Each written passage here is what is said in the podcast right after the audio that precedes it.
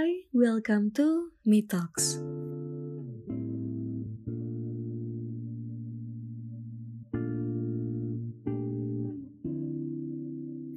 Halo semuanya, selamat datang di Me Talks, salah satu program dari paruh waktu yang bakal jadi tempatmu buat ngobrolin apa aja tentunya bareng sama Mita. Wah, nggak kerasa ya, Talks udah episode keempat, dan di episode ini aku bakalan bahas tentang the fear of failure atau rasa takut akan kegagalan. Pernah gak sih kamu ngerasa takut banget gagal sampai akhirnya kamu mutusin buat udahlah mending gak usah nyoba sama sekali? Kayak kamu tuh udah pesimis duluan, ngerasa kalau kamu gak bakalan bisa berhasil gitu. Aku rasa hampir semua dari kita ya pernah ngalamin hal itu. Apalagi di usia-usia segini, usia di mana kebanyakan dari kita sedang menghadapi quarter life crisis, kayak ada semacam pressure tersendiri di mana kita tuh udah harus bisa tahu, kita dituntut untuk udah harus bisa paham tentang goals dan purpose kita. Kira-kira kita tuh mau ngapain ke depannya. Padahal untuk menentukan tujuan dan arah hidup dari begitu banyaknya pilihan yang ada, bukanlah hal yang mudah, gak gampang gitu. Dan dari situ sering kali muncul rasa takut, kayak gimana ya kalau ternyata keputusan yang aku ambil itu salah, atau duh kayaknya aku gak mampu deh buat bisa achieve hal itu. Intinya kita selalu punya kekhawatiran dan ketakutan akan kegagalan. Apalagi buat mereka yang perfeksionis, yang di kamus hidupnya tuh istilahnya gak kenal dan gak boleh ada kata gagal culture of perfection ini tuh yang paling sering jadi akar penyebab kenapa sih orang-orang sebegitu takutnya menghadapi kegagalan Padahal kalau kita pikir-pikir, mengalami kegagalan adalah hal yang wajar kan? Kayak dulu waktu bayi mau belajar jalan, pasti dari ngerangkak dulu, terus ntar jatuh-jatuh dulu, gak yang sekali coba langsung berhasil gitu loh. Dan hal itu yang sama terjadi juga dengan proses kehidupan kita yang sekarang. Untuk mencapai sesuatu, sering kali kita emang harus gagal dulu. Dan dari situ kita belajar, oh ternyata aku masih kurang di sini nih tapi makin ke sini rasanya kegagalan jadi sesuatu yang tidak bisa ditoleransi. Failure jadi sesuatu yang memalukan dan akhirnya membuat kebanyakan dari kita milih untuk gak usah nyoba aja deh sekalian. Dan ini tuh seharusnya diperbaikin karena kalau misalnya kita kayak gitu artinya kita membiarkan ketakutan-ketakutan kita menang.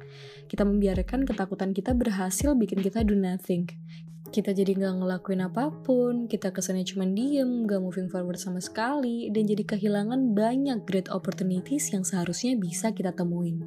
Sebenarnya ini tuh ngerugiin banget sih, kita ngebiarin rasa takut itu stop us doing the things yang bisa kita jadiin batu loncatan untuk achieve our goals. Nah, karena itu di sini aku pengen coba buat sharing hal-hal yang aku lakuin yang mungkin bisa memberi perspektif baru dan ngebantu kamu untuk overcoming the fear of failure. Yang pertama, face it. Hadepin aja. Mungkin udah sering banget ya kalian denger face your fear, hadepin ketakutanmu dan menurutku hal ini emang salah satu cara yang paling realistis gitu. Kita semua juga tahu, kita semua juga paham kalau yang namanya mengalami kegagalan bukanlah sesuatu yang menyenangkan.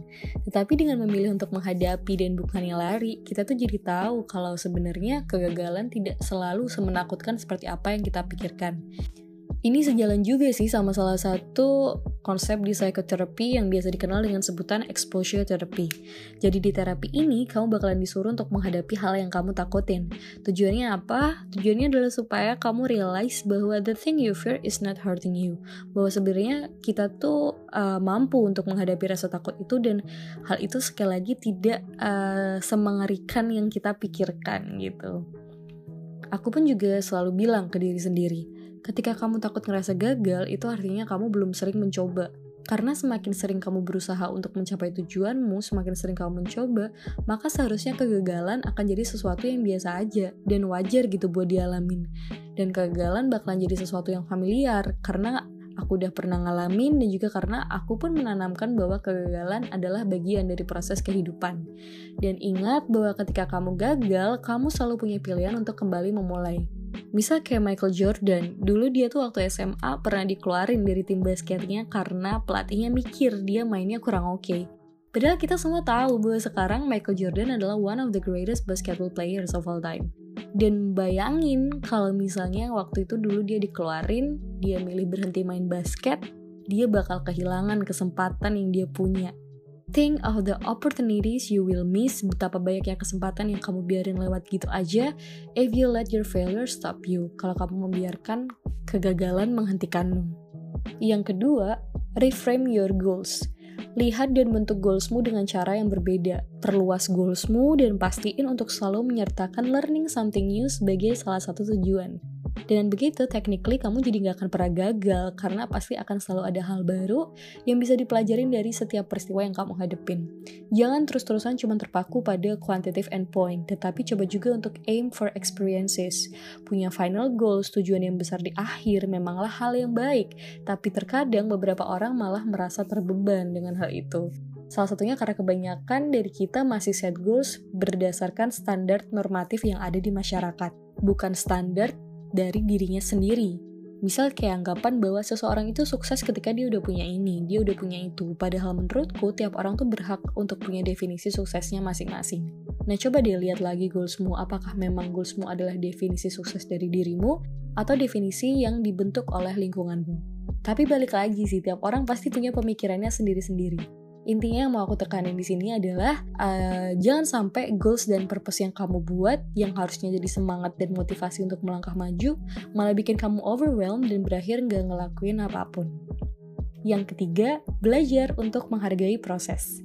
Semakin ke sini, aku tuh semakin sadar bahwa ketika kita menjadi orang yang menghargai proses dan gak cuma hasil akhir, kita bakal nemuin banyak hal baru dan bakalan tahu kalau misalnya kegagalan adalah sebenar-benarnya pembelajaran karena dari situ kita jadi discover banyak hal yang valuable yang kadang-kadang hal ini tuh hanya bisa kita temuin setelah kita benar-benar mengalami failure itu sendiri.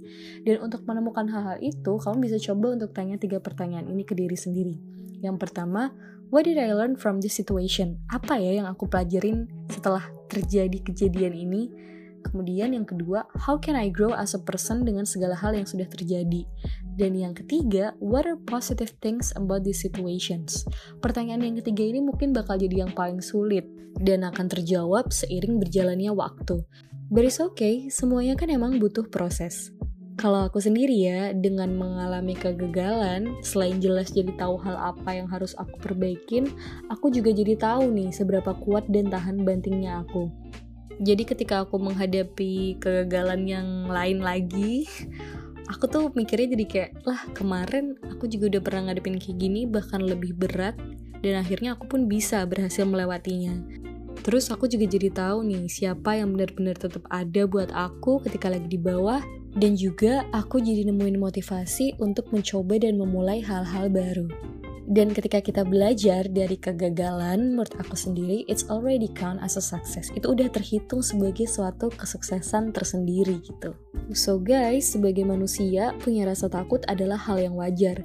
Bahkan dengan adanya rasa takut membuat manusia tuh bisa bertahan hidup. Coba kalau zaman dulu manusia purba bilang, dih cuman macan doang, bodo amat kita nggak bakal mungkin bisa bertahan sampai sekarang misal mereka beneran kayak gitu manusia nggak bakal survive sampai hari ini jadi mereka berusaha buat nemuin cara untuk bertahan dan ngelawan rasa takut mereka. So basically kita manusia modern juga punya kemampuan, kita mampu untuk bikin ketakutan kita itu jadi salah satu cara untuk nemuin kekuatan kita. Kayak yang aku bilang tadi, hadapin aja rasa takut itu dan jangan lari.